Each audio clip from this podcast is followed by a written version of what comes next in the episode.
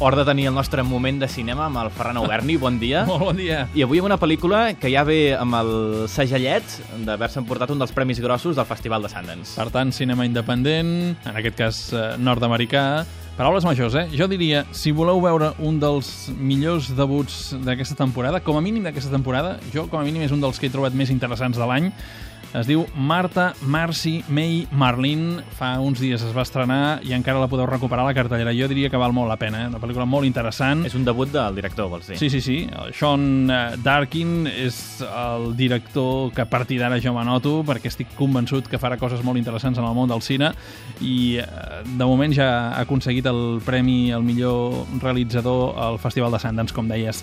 Una proposta arriscada, valenta, pertorbadora, amb molta personalitat. És una pel·lícula pel·lícula que parla de la identitat, sobre qui som, quin és el nostre lloc en el món que ens ha tocat viure. En aquest cas, el món de la protagonista és una secta, perquè la pel·lícula explica el trauma d'una noia que acaba de sortir d'una secta i de quina manera l'influencia en el seu dia a dia.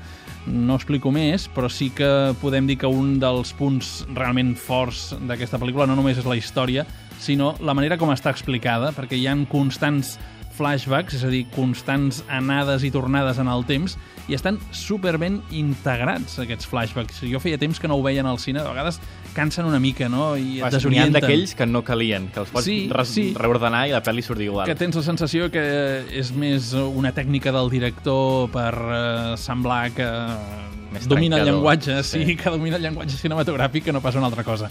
En aquest cas, ostres, hi coincideix tothom, eh? tothom diu que és realment extraordinari l'ús del flashback a Marta, Mercy, May i Marlene. De veritat, un dels debuts interessants d'aquesta temporada, jo no me la perdria, entre d'altres, a més a més, apareix Elizabeth Olsen, una extraordinària actriu que també tinc la sensació que veurem en un futur. Una pel·lícula per aquells que us agrada Michael Haneke, sabeu que és un tio una mica pertorbador, segurament no és tan extrema la pel·lícula com les de Haneke, però amb molta personalitat. Eh? És una història que realment desconcerta, en final obert, ja aviso, i per tant no us deprimiu si de cop i volta s'encenen els llums de casa, del cine, d'on sigueu, que s'ha acabat. i dius, ostres, s'ha acabat? Sí, sí, s'ha acabat.